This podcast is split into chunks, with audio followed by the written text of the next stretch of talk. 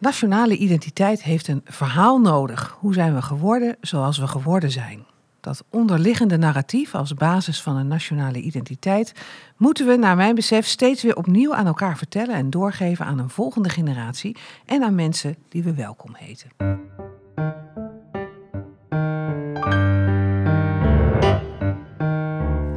De Theologie-podcast gaat over wat vandaag speelt in kerk en theologie en wil delen, inspireren en verdiepen.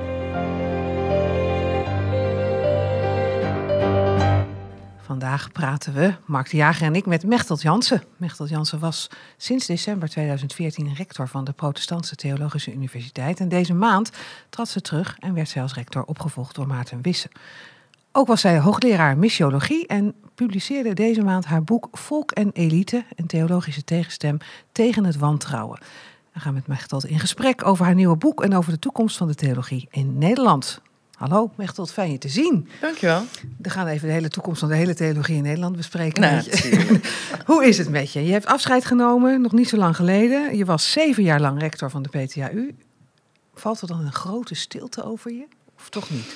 Nou, van grote stiltes heb ik nooit zo heel veel last. Want dat vult zich altijd al wel weer gauw uh, op met allerlei uh, mooie dingen om te doen. Ik ga nog voor in kerken en ik ga nog weer andere opdrachtjes uh, schrijven.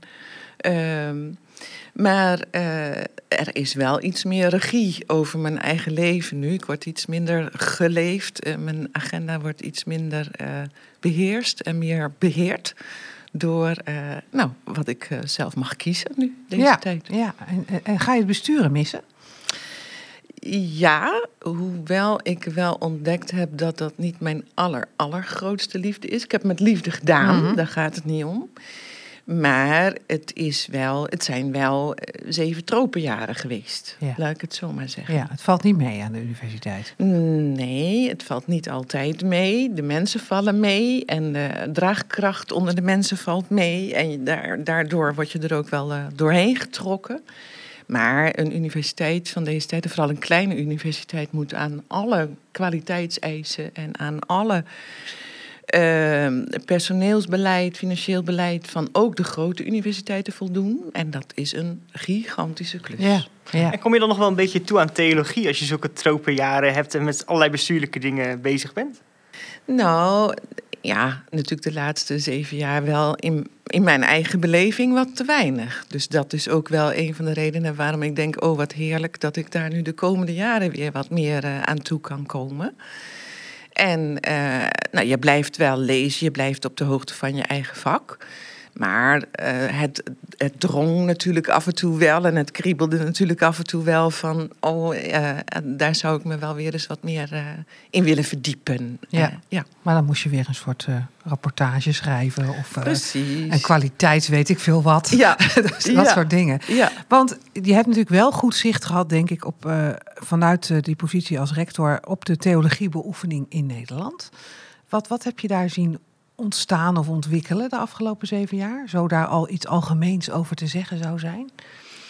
Ja, ik denk dat uh, theologie uh, wel meer de afgelopen jaren heeft ontdekt dat er naar haar eigen stem wordt gevraagd. Dat zij niet uh, nou, moet versmallen tot uh, ook nog eens wat uh, antropologische, sociologische dingen na te spreken of wat dan ook. Maar dat er uh, gewoon ook echt in de samenleving en in de kerken wordt verwacht dat zij inbrengt hè, vanuit een, een soort doorvertaling van, van de christelijke traditie, als het christelijke theologie betreft.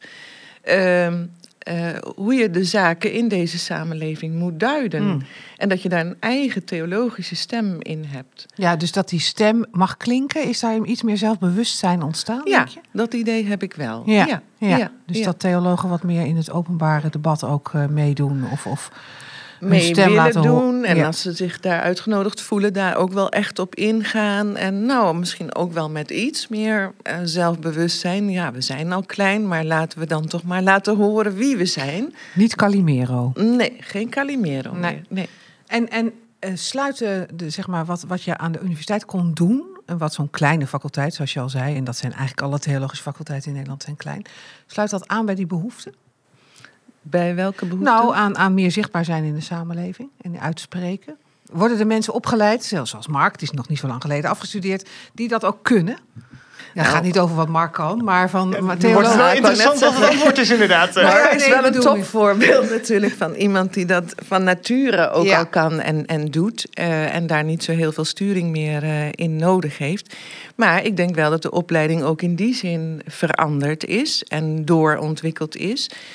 Ehm, elke rol waarin een afgestudeerde theoloog terechtkomt, of dat nou een predikant is, of een, of een pastor in de geestelijke verzorging, of een, een wetenschapper die ook zijn of haar bijdrage moet leveren, weet tegenwoordig dat het publiek waar hij of zij voor speelt natuurlijk heel erg veranderd is. Het is niet meer vanzelfsprekend gelovige mensen. En als het al gelovige mensen zijn, zijn ze niet vanzelfsprekend in te delen in zus of zo kerkelijk, hoog, laag, weet ik veel wat, liturgisch enzovoort. Nee, elk individu, er is zo'n diversiteit in de samenleving. En daar worden onze theologen wel meer Mm. voor opgeleid om die grote diversiteit geval te zien. Het wordt er niet makkelijker op, maar om daar een- aan een soort dienst eh, te eh, verlenen. Ja, ja, dat vraagt inderdaad heel wat van theologen. Om niet meer in de vanzelfsprekendheid te opereren, maar eigenlijk ook steeds weer te moeten uitleggen waarom theologie van belang is. Hè? Ja, Dat is best wel een opgave. Dat is een opgave.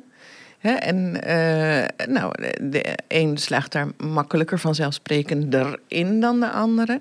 Maar eh, je hebt natuurlijk wel bepaalde tendensen waar iedereen mee te maken hebt. Dus je hebt een doorgaande secularisering. Maar ja, binnen die secularisering en soms ook dwars op die secularisering zijn ook heel veel mensen bezig met allerlei zoektochten in deze samenleving. Mhm. hè? Van eh, ja, nou ook weer in die coronatijd. Waar doen we het allemaal voor? Waar zijn we mee bezig? En is, is jouw, het boekje dat jij dan geschreven hebt, ook een beetje als afsluiting van je, van je rectoraat misschien, ehm, ook een bijdrage om juist dat gesprek eh, wat op gang te geven? Of een proeven om zeg maar één zo'n lijntje in die diversiteit eh, wat, wat richting te geven? Ja, dat, dat denk, denk ik dat je dat heel goed eh, Ja. ziet of gevat hebt. Dat Daar was gaan we zo mee door met het boekje. Ja. ja.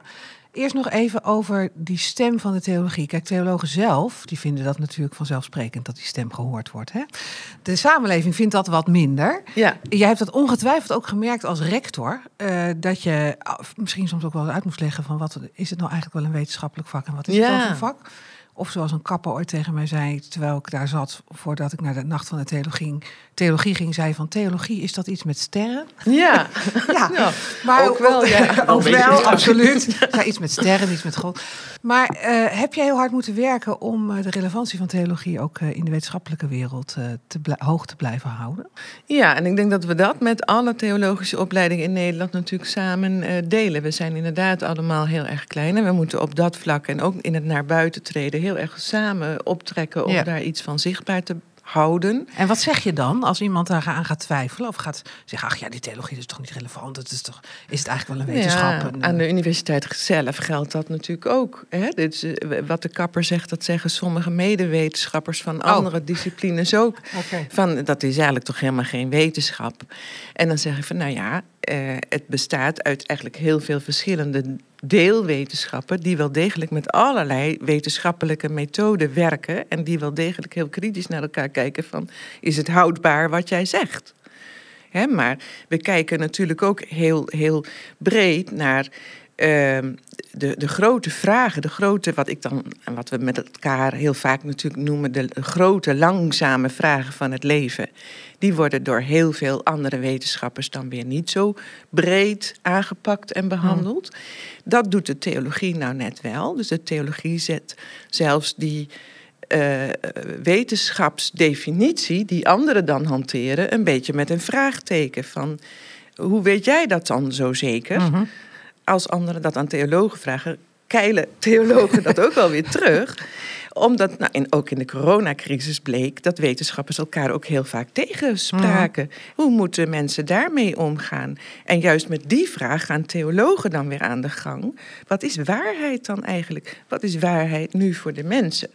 Ja, en juist tijdens de coronacrisis is het misschien ook juist wel zo dat die, dat die trage, die langzame vragen die je net noemt, ook wel wat duidelijker ook weer naar voren, voren kwamen. Hè? Dat corona veel meer is dan alleen maar een medisch probleem, maar dat er ook allerlei zingevingsvragen opeens in de samenleving breder gaan, eh, gaan spelen. Juist ook over waarheid en, eh, en dat soort dingen. Ja, precies, precies. En aan, aan wie vertrouwen we ons toe als ze ons voorlichten? Nou, dan krijg je ook al zo'n vraag van... hé, hey, ik heb dus een keuze. Naar wie moet ik luisteren? Nou, dat ook al op zich zijn hele grote vragen voor ons. Dus inderdaad. Ja. Mechtel, we gaan zo verder praten over jouw boek... Volk en Elite samen schaatsen op glad ijs. Maar eerst iets anders.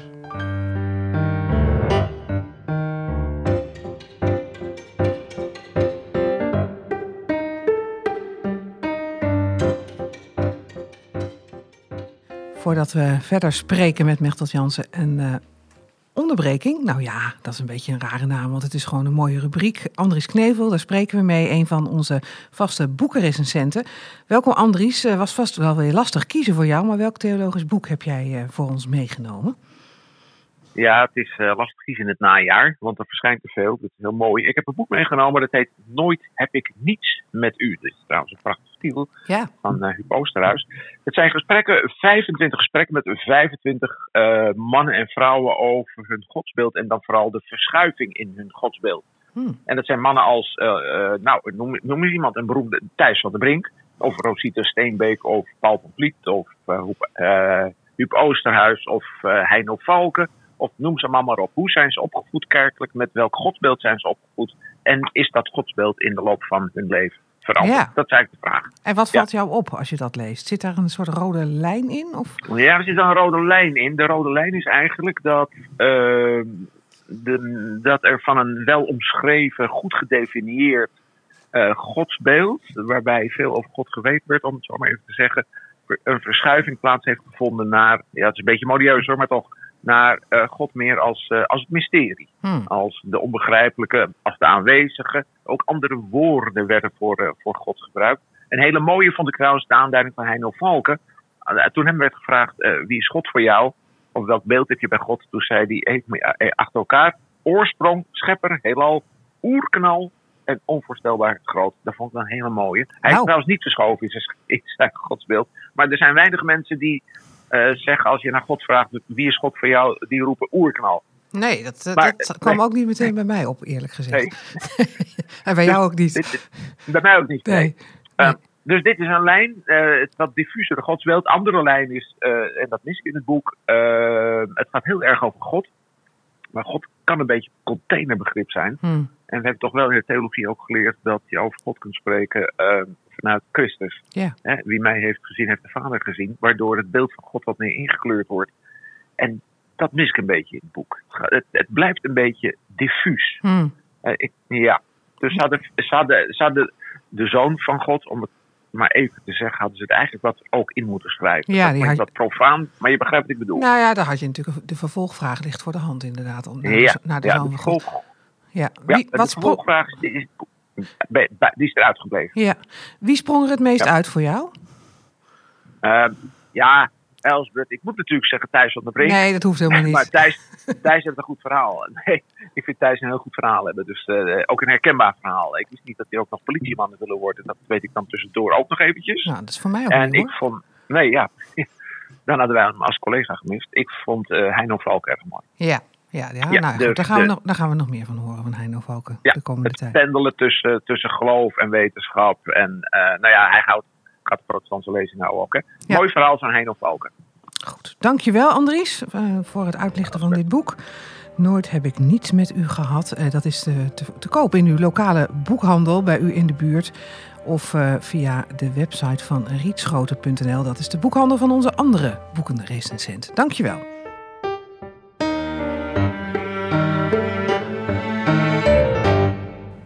Terug naar onze hoofdgast Mechtel Jansen.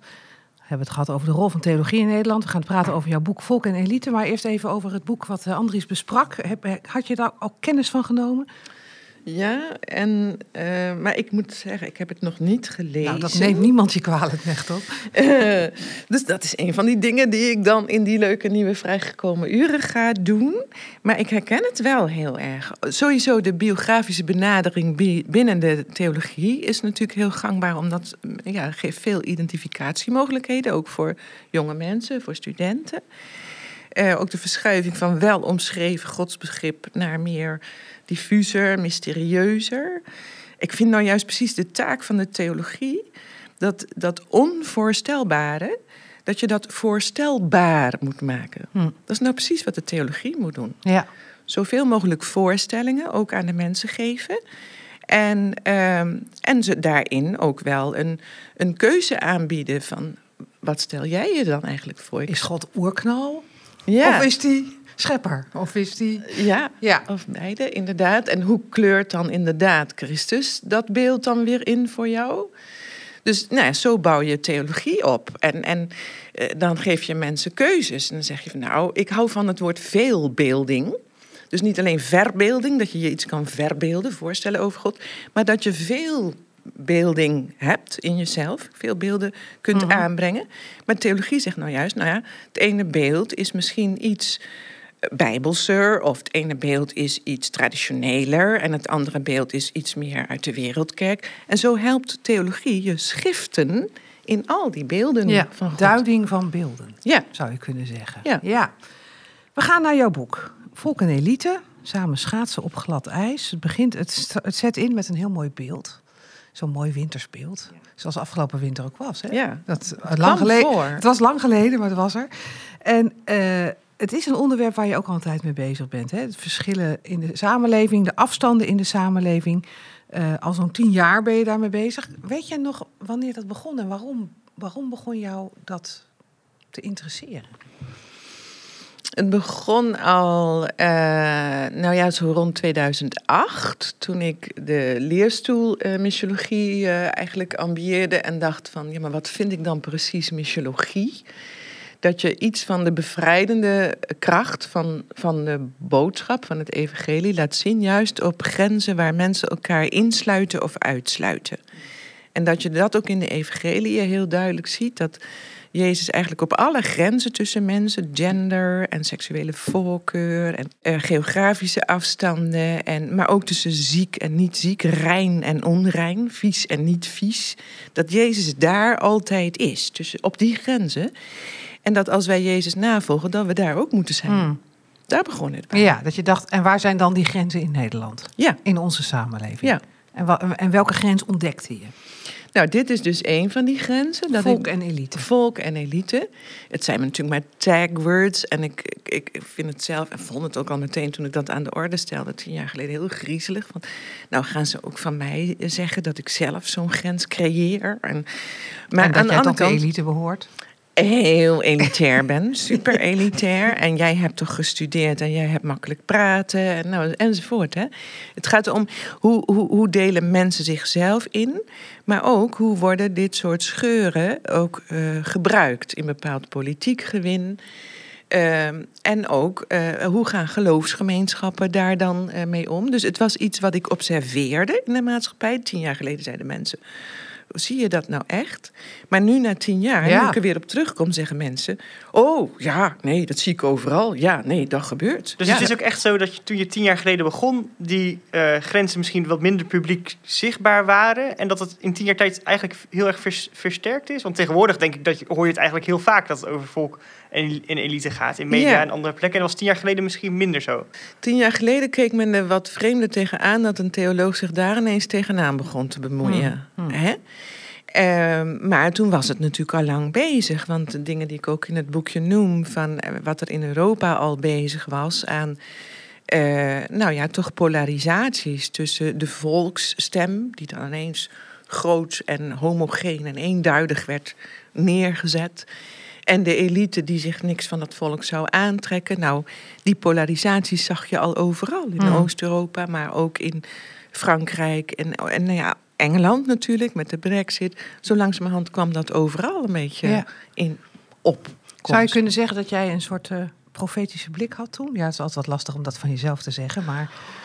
Eh, nou, ik, ik denk dat ik toen een, een scherpe seismograaf had op de een of andere manier. En je krijgt door theologie, ik ga maar een beetje reclame maken voor de theologie, krijg je ook zo'n scherpe seismograaf. Hè, je, je voelt een beetje in de aarde wat daar trilt. Ik snap opeens waarom ook die theologieopleiding in Groningen is gaan. eh, Daar trilde het sowieso. Ja. Ja. Nou, een van de mooie publicaties over Groningen heet God in een, op een trillende aarde. Ja, Hè? precies. Ja. Daar gaat het precies om. Mm. En Ja. jij voelde dat dus trillen. En dat, nou, dat blijkt helemaal te kloppen. Want eigenlijk zou je kunnen zeggen, politiek gezien, maar ook op, op Europees niveau, we zitten daar volop in. Ja. In, in die discussie. Ja, zeker. En jij zegt eigenlijk in je, in je boek, ik wil een theologische tegenstem geven aan het populisme. Dat is best wel een grote pretentie. Ja, ja, ja, ja, je moet op een achterflap van een boekje Ja, iets dat is groots zeker, zeker. Maar is het niet zo dat als je zelf al, wat jij, waar je al wat aarzelend over was in het begin, die scheiding aanbrengt, dat je het ook bijdraagt aan die scheiding? Ja. Ja, onwillekeurig doe je dat ook. Hè? Want mensen gaan toch doorheen zo'n boekje of zo'n studie die, of, of een discussie die je met mensen aangaat, zichzelf toch af. Ja, waar hoor ik nou bij? Ja. En word ik nu niet door haar ingedeeld bij het een of het ander? En als ik studeer, ben ik dan automatisch elite. En, eh, en moet ik dan ergens aan voldoen? Moet ik dat veranderen? En, eh, en op wie kijkt die elite dan neer? Ben ik dan, hoor ik dan bij die groep op wie neergekeken wordt? Dus ja, Mhm. je ontkomt er niet aan als je een grens aangeeft, dat je min of meer ook de grens mee markeert. Dat kan bijna niet Nee, want je gaat hem definiëren. Want je gaat hem definiëren. Dat is ook ja, die andere grenzen die ik noemde. Hè? Alles waar wij mensen in verschillen. Of het nou blauwe ogen of bruine ogen is. Daar kun je een identiteitsmarker van maken. Waarmee je mensen in of uitsluit. En iedere keer als je die aanraakt, die grens. Ja, eh, eh, versterk je hem misschien ook wel een beetje. Daar is bijna niet aan te ontkomen. en, en- maar toch vond je wel nodig om het te doen. Ik vond het toch nodig. En wat, Ja. wat maakt dat dan nodig? het nodige is dat, eh, dat we die divergentie, dat uit elkaar groeien, als eenmaal iets divergeert, dan gaat het alleen maar altijd steeds verder uit elkaar. Dan is het heel moeilijk om, te op, om te buigen en het weer te laten convergeren, bij elkaar te laten komen. Nou, en ik dacht, ja, iemand moet roepen, ho, nou divergeert het wel heel eh, ver. Eh, begrijpen we elkaar nog wel? Hm. Zien we elkaar nog wel zoals we echt willen zijn? Dus dat was mijn urgentie. En ook wel een soort, ja, dan zeg ik weer vanuit christelijke theologische stem. Het kan toch niet zo zijn dat we daarin maar gewoon eh, meegaan en dat maar gewoon laten gebeuren. Terwijl we uit een traditie komen waarin in de geloofsgemeenschappen eigenlijk iedereen erbij zou moeten kunnen horen. Mhm. Dus de breuk benoemen, maar dan ook je best doen om de boel weer bij elkaar te, Ja, te waar brengen. haal je dan inderdaad À la je, Job Cohen. eh, je inspiratie vandaan? Hè? Eh, waar haal je je inspiratie vandaan? Of waar, eh, waar liggen dan de bronnen? Om de zaak weer een beetje naar elkaar toe te laten buigen. In elk geval om mensen elkaar weer even te laten zien. Hm. Eh, eh, eh, waar ze werkelijk zitten, waar ze werkelijk zijn. Dus ook die, die hoge omen in die bomen, dat is dan de Zacchaeus, noem ik dan wel een beetje als voorbeeld, hè, die dan zich een beetje op minder handige manier over het geld van de arme mensen ontfermt, laat ik het zo maar Ik zeggen. bedoel, het is eigenlijk een soort CEO van de ABN AMRO of zo. ja, ik, ik richt me niet alleen op de CEO's, Nee. want ja. Eh, eh, geldverdeling in Nederland is een heel groot punt natuurlijk. Hoe, hoe gebeurt dat precies? Maar er zitten gewoon mensen die daarover gaan in de hoge bomen. En die hebben ook behoefte aan een feestje hoor. Wa-. Wat die hebben ook behoefte aan eens dichter bij het volk te zijn of samen met het volk te schaatsen. Of die, die hebben ook, de elite kan ook heel eenzaam zijn. Er zijn ook boekjes over die de eenzame elite Hmm. beschrijven. Hè? Want jij beschrijft eigenlijk, eh, je zegt eigenlijk, eh, het hoort bij elkaar. Waar, waar, waar, waar, waar heb je dat gezien, dat het bij elkaar hoort? Welk beeld moet ik dan aan denken? Want de elite heeft, hè, als je heel historisch kijkt, heeft de elite natuurlijk ook altijd al bestaan. Eh, maar waar, wel, je hebt een bepaald beeld in, in gedachten van hoe het anders zou kunnen. Ja, ik heb wel beelden in gedachten hoe het anders zou kunnen. Eh, ja, ook dat heeft natuurlijk wel wat biografische. eh, Nou, die horen we graag. Nou ja, in de zin van waar geniet je nou zelf van? Of waar heb je zelf af en toe even die flits van. Nou, hoe zeg, dit lijkt wel rijk godsachtig, hè? Dat het er even zo gebeurt. Dat heb ik heel vaak als. ehm, eh, nou ja, eh, noem de volkskerstzang of zo. En dat dan Jantje Smit-achtige liederen zich vermengen met... nou ja, eh, bijna eh, messiaanse hoogmisachtige klanken. En Hendel samen met. Johannes nou, de Heer. Ja, de, de, de complete mix. Mhm.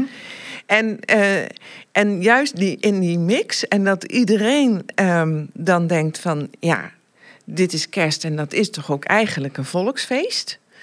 Eh, daar gebeurt dat dan Hmm. voor mij. Het hoeft niet per se christelijk te zijn dan in die zin. Want daarom begin ik ook met dat voorbeeld van eh, dat ijs, dat schaatsen. Het is ook een beetje het voorbeeld waar ik bij een reden mee begon met de, de elitekat Duchess in de film The Aristocats. Die dan ineens verkering krijgt met O'Malley. En dat is een straatkat, een zwerfkat. En die twee die worden verliefd en die beginnen samen een nieuw orkestje. En dat, zij had harp leren spelen en dacht dat je alleen met toonladders verder kwam in de muziek en zo. En hij speelt lekker de jazz en een beetje swinging en zo. En dat mengt dan Hmm. in één muziek. En oh, dat, dat, dat is dan een beetje toch mijn Ja. ideaalbeeld, ja. Je had natuurlijk, we hebben natuurlijk altijd de hervormde kerk de volkskerk genoemd. Ja, Waar, waar dat dan ook zo zou zijn. Ik vraag me af of het werkelijk zo was. Of dat je het niet ook al in die hervormde kerk een verdeling elite had en, en, en, en volk. Eh, maar als je naar de kerk kijkt of naar de theologie, zie je die beelden dan ook? Of naar het evangelie, desnoods? ja, ja. Ik kom zelf niet zo uit die traditie, dus ik moet voorzichtig zijn met Mm. wat ik daar precies over zeg, over volkskerk. Maar het had in die zin wel iets goeds, dat je hoefde je niet heel veel intellectueel te bewijzen om erbij te horen. Mm. En dat vond ik dus wel een heel goed idee daarvan. Ehm, ik heb ook wel eens ooit het voorbeeld gegeven, dat speelde nog een beetje in de tijd van Luther, dus net eh, toen, de, toen de kerk zich reformeerde. ehm, dat dan aan de mensen in de kerk gevraagd werd, zo rondom Pasen, wat is uw geloofsbelijdenis? En dat dan de oudste ouderling zei van, nou ja, zo ongeveer dat eh, Jezus is gekomen om ons God te laten zien en die eh, redt ons dan. En dan hebben we aan het eind van ons leven, eh, hebben we toch de zekerheid dat het allemaal goed met ons terechtkomt.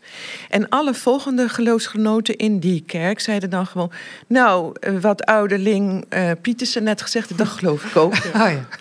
En dat zei iedereen dan. Ja, nee, maar de volgende zei, ja, maar dat geloof ik ook. en dat was dan voldoende als geloofsbelijdenis. Dan kun je zeggen, ja, maar dat is toch minimaal en zo dun. Daar valt nog wat meer over te zeggen. Ja, precies. En daar kan je toch geen genoegen mee nemen. En je moet er wel ietsjes meer door de zeef van kennis heen en zo. Maar dat hoefde in die tijd dus helemaal Mm. niet altijd. En dat had ook wel iets goeds. Want nou ja, ik denk dat wij in delen van de kerk soms ook wel mensen heel veel hebben eh, eh, opgelegd aan, aan wat er aan kennis aanwezig zou moeten zijn voor een deel van de mensen, is natuurlijk ook gewoon de, de beleving heel erg belangrijk. Nou, Ja. Ja, wat ik me wel afvraag, eh, je zegt het, het idee inderdaad is heel erg mooi. Maar ik vraag me af, als je naar de praktijk kijkt van de kerk eh, in Nederland, of je dat ook wel ziet. Mijn, mijn- de gemeente waar ik in Groningen lid van was, de Martinikerk, was een hele hoog opgeleide, eh, in, in lijn van je boek zou je zeggen, een beetje elitaire gemeente. Er zaten Mhm. de hoogleraren, de politici enzovoort. mhm, we hadden het net voor de opnames van deze podcast even over de gemeente van Elsbeth en die van mij. mhm. Waar het gemiddelde opleidingsniveau misschien MBO 2 is.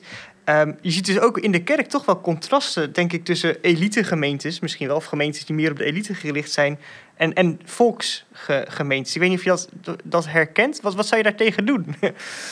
Ja, zeker. Dat herken ik wel. En is misschien, nou ook als, als je gemeentes ook echt als geografische gemeente ziet, niet, niet altijd aan te ontkomen. Hè? Er, er moet ook niet van bovenaf ingeknutseld gaan We gaan worden. niet om- eh, schuiven. Jij, mag, jij moet in die Ja, gemeente en dan ja. maken we zo'n mooie structuurtje. Ja. Sorry, we hebben al te veel elite in de kerk. ja, ja, ja. Je moet 20 kilometer doorrijden. 20% elite, dan gaan de deuren dicht, weet je, zoiets. Dus, en ik kan me ook voorstellen dat mensen soms eh, van andere dingen genieten. En dat je eh, dan in die zin ook wel daar iets aan tegemoet eh, kan komen. Maar het gevoel, het basisgevoel is meer.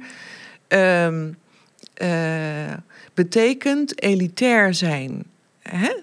Dat je ergens toch een dédain hebt voor andere delen van de bevolking. Hm. Dat is eigenlijk toch wel een beetje de prikkelende vraag die er bij mij achter vandaan Ja. kwam. Mag je niet meer naar een eh, heel mooi concert in het concertgebouw? Ja, be my guest. Doe, doe het vooral. Dus de- het gaat mij niet zozeer om smaken. En ik hoop dat je daar ook een beetje smakelijk om kan lachen af en toe. Onderling.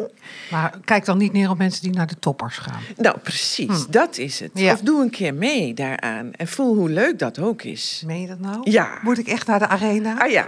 Oké. En met een wit pak aan. Oh, ook nog. doen- Oh, ja. ik zie jou wel gaan. Nou, als jij ook gaat, Mechtelt. Maar, maar wat kan je dan vanuit de theologie daar ehm, aan bijdragen? Aan het opheffen van nou, dat onderscheid. En ook misschien wel aan het bestrijden van, van, het, van de politieke... ehm, ja, de manier waarop politiek daar ook, ook probeert baat bij te hebben... en het vuurtje probeert op te stoken, zou je kunnen zeggen. Ja, wat, dat wat, wat, kan, wat kan je als theoloog dan, dan daaraan doen? Ja, of, of tegen... Ja, nou ja, goed. Waar, Ja. waar, waar je tegenin zou Ja. willen gaan. Ja, kijk, het woord populisme valt natuurlijk ook al wel eens een beetje. Maar ik denk wat, wat eh, populisten doen, is eigenlijk het volk heilig verklaren. Daar zit geen smetje aan en die doen gewoon alles goed. En we moeten hun stem vertolken en dat is gewoon één stem. En ik zal wel even zeggen wat dat voor stem is. Mhm. En daartegenover de elite eigenlijk als compleet eh, corrupt en vriendjespolitiek. En die houden elkaar in Den Haag allemaal de handen boven het hoofd. Zo tegen elkaar eh, afzetten.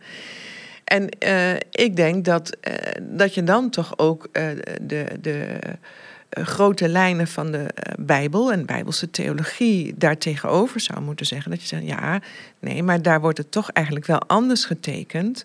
Het volk is helemaal niet allemaal heilige boontjes, maar dat zijn gewoon mensen die het moeilijker hebben gehad dan de anderen. Het volk, dat zijn degenen die eigenlijk vergeten zijn. Dat is een belangrijk woord, denk ik, do- door de hele Bijbel heen. Het zijn de mensen die eh, geen namen meer krijgen, die eh, nummers in een administratie zijn, die van het ene loket naar het andere loket worden gegooid, zonder dat nou eens werkelijk iemand naar hun casus kijkt. Dat ze iemand zijn met een naam en een toenaam en dat ze een eigen geschiedenis hebben. Nou, dat is denk ik precies wat je als theoloog daartegen in zou moeten brengen. Die zegt van het volk, het begint al in het Oude Testament, daar waar het volk het vergeten volk is. Nou, daar gaat God nou precies een oogje op krijgen. En daar gaat God nou precies voor in de bres Hm. springen. Mhm. En dat loopt door in het Nieuwe Testament, als Jezus zegt: eh, Ja, dat volk, dat volk. Mijn ingewanden komen gewoon in opstand als ik zie hoe slecht het met ze gaat. Hm. Laten we daar nou eens tegen eh, in opstand komen. Kijken, kijken hoe we daar eh, dichterbij kunnen komen. En dat is die hele bergreden van Jezus eigenlijk tot dat volk gericht. Ja, dus je zegt, eh, neem het volk serieus. Dat klinkt trouwens ook wel weer heel elitair, hè? Als je Ja, dat doet. tenzij je zelf af en toe je ook volks voelt en een deel Hm. daarvan voelt. Ik bedoel, ik ben ook maar gewoon de kleindochter van een visserman die het niet bol kon werken.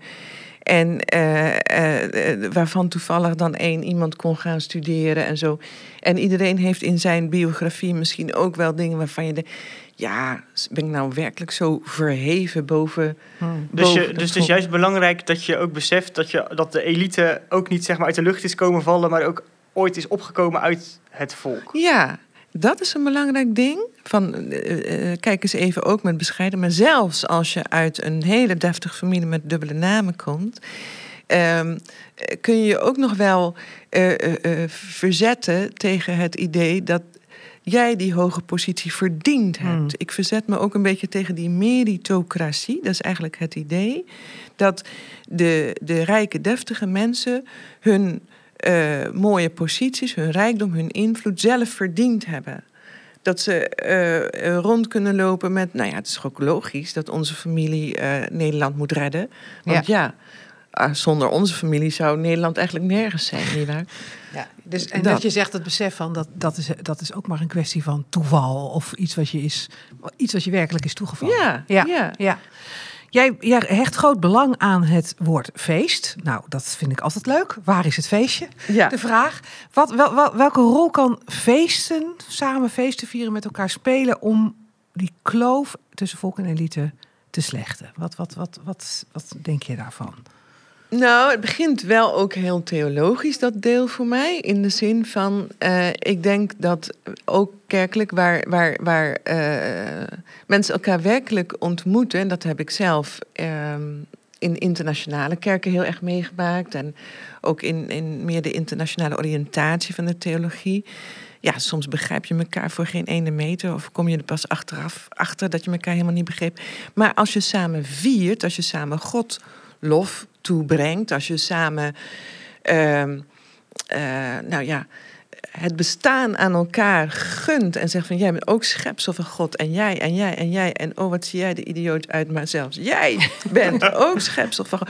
En eh, de, dat vieren daarvan, die doxologie zoals we dat dan noemen in de theologie, daar, daar begint het, daar ontsteekt eigenlijk de, de theologie, maar daar ontsteekt ook die, die geloofsgemeenschap eh, met elkaar.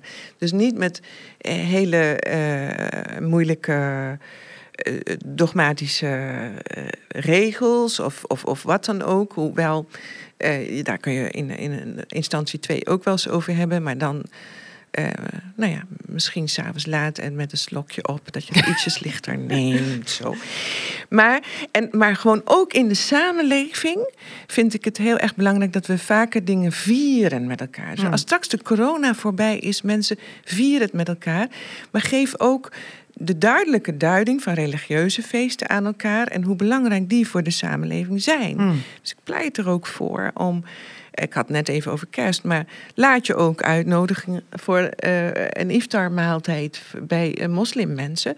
Laat je ook uitnodigen voor Chanukka, heel leuk kaarsjesfeest voor jonge kinderen. Neem je jonge kinderen daar ook mee naartoe. Leer ze wat er dan precies aan overwinning van het licht op de duisternis wordt gevierd. En dat dat voor de hele samenleving is. En doe dat ook met alle christelijke feesten. Hmm. Dus die gaan we niet inleveren, die christelijke feesten. Nee, nul. Nul. Meer erbij. Pinksteren ook vooral niet. Nee. Als ze daaraan gaan krabbelen. Nee, niet doen. Maar wel uitleggen wat het is. Dus ja, die Ja. geestdrift, die prachtig enthousiasme, voor, dat is toch juist voor die hele samenleving bedoeld. Leg het goed uit, maar deel het met iedereen. Hou het niet te, te eenzijdig alleen voor christelijke mensen. Nee, dat soort feesten zijn juist voor de samenleving. Hmm. En in dat vieren, zeg jij dan, kun je elkaar ook weer ontmoeten. En als dat gebeurt, dan verdwijnt de kloof misschien ook wel. Ja, in elk geval help je eraan om het iets meer dichter bij elkaar te brengen, om iets meer samen eh, te delen en om eh, iets meer eh, lichtjes in elkaars ogen te zien. Ja. Wat is jouw volgende feest? Ja, mijn volgende. eh Oeh. Nou, zeg ik misschien alweer kerstmis, maar dat duurt nog vier maanden. Is Ja. voor mij veel te lang om zonder feest te leven in vier lang, nog vier lange maanden. Dus ik zal ongetwijfeld tussendoor wel iets verzinnen. Want da- daar ben ik dan toch ook nog wel weer een beetje Ja. goed in. Of feesten? Als, ja, als er geen reden voor feest is, dan verzin ik wel een eh, reden voor feest. Ik kan me nog herinneren dat we nog niet zo lang geleden ons 21 jaar feest hebben gevierd. Want dat hadden we nog nooit gedaan. 21 zag jaar? ik- ja, alle jonge lui van tegenwoordig vieren een 21 feest. diner, ja. Als ze 21 Ja, worden, dan klopt. vieren ze het 21 Ja, diner. ja, dan moeten hun ouders koken en zo. Ja. We houden heel erg van koken. Dus, en, maar wij hadden het zelf nog nooit gevierd. Oh, dus je hebt je eigen 21 Ja, feest gevierd. toen was ik al eh, dik in de 50 en toen heb ik mijn eigen 21 feest gevierd. Dat was hartstikke Ik leuk. vind het een goed idee. Misschien is het ook wel Ja. leuk om even te benoemen voor de luisteraars... dat terwijl Mechtelt vertelt, ze ook een beetje een feestje aan het vieren Ja, is. Hè? Er wordt van alles gebaard. En En, zeker eh, als over feest praten. nou, precies, Dan ja. dus dat, leven. het opnemen van een podcast kan ook een feestje zijn. Ja. Precies. Dankjewel, Mechtelt, voor dit eh, gesprek over je boek eh, Volk en Elite. Mechtelt Jansen. En, en ja, wens je natuurlijk van harte toe dat je de tijd die je eh, nu toevalt ook op de manier kan gebruiken zoals je graag wil. En dat je ook heel veel feest kan gaan vieren. Dat, dat hopen we ook. En dat vieren we graag met je. Ik vertel u ook nog even dat de Theologie Podcast nou samenwerkt met theologie.nl. Dat is het platform voor professionals en vrijwilligers in de kerk. Vindt er inspiratie, verdieping in de wekelijkse theologenblog, duizenden artikelen uit christelijke tijdschriften en recensies van nieuwe boeken. Graag laten we trouwe podcastluisteraars een maand lang vrijblijvend kennismaken met dit platform. Hoe werkt het? Ga naar www.theologie.nl slash lid worden. www.theologie.nl slash lid worden. Selecteer een maandabonnement met de actiecode en gebruik de actiecode podcast met hoofdletters. Die actiecode die is geldig tot en met 31 december 2021. Het is de moeite waard.